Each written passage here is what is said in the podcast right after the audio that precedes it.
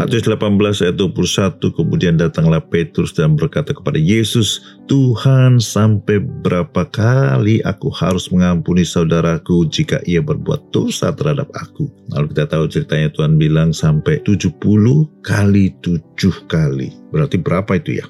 490 kali. Artinya tidak terbatas. Lalu Tuhan Yesus kasih perubahan tentang seorang hamba yang berhutang kepada rajanya. 10 ribu talenta itu nilainya kurang lebih hampir satu miliar ya. Orang ini nangis-nangis kemudian sang raja mengampuni dia. Tapi belakangan ada orang yang hutang sedikit saja kepada hamba ini. Hamba yang baru diampuni raja itu mencekek dan menangkap kawannya itu. Begitu rajanya tahu, rajanya marah sekali dan, dan raja itu kirim hamba yang jahat ini ke Al-Guju atau dalam bahasa Inggris tormentors atau penyiksa-penyiksa. Lalu Tuhan katakan, maka Bapakku yang di surga akan berbuat demikian juga terhadap kamu apabila kamu masing-masing tidak mengampuni saudaramu dengan segenap hatimu. Bila seseorang tidak mengampuni saudaranya, di sini dikatakan dikirim ke penyiksa-penyiksa, tormentors. Banyak orang tidak sadar kalau dia mengampuni, sebetulnya itu dia berbelas kasihan bukan hanya kepada orang lain,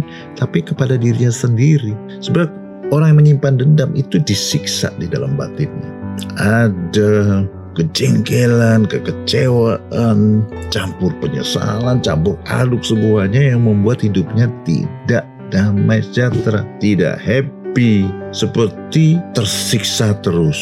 Dan tentu saja selain itu Tuhan katakan kalau kita tidak mengampuni orang lain, Tuhan juga tidak mengampuni dosa kita. Bagaimana kita bisa memperoleh hidup yang kekal? Sebab itu mari kita belajar untuk segera mengampuni orang yang menyakiti hati kita. Jangan tunggu berlama-lama karena itu akan membuat kita susah sendiri akhirnya. Amin.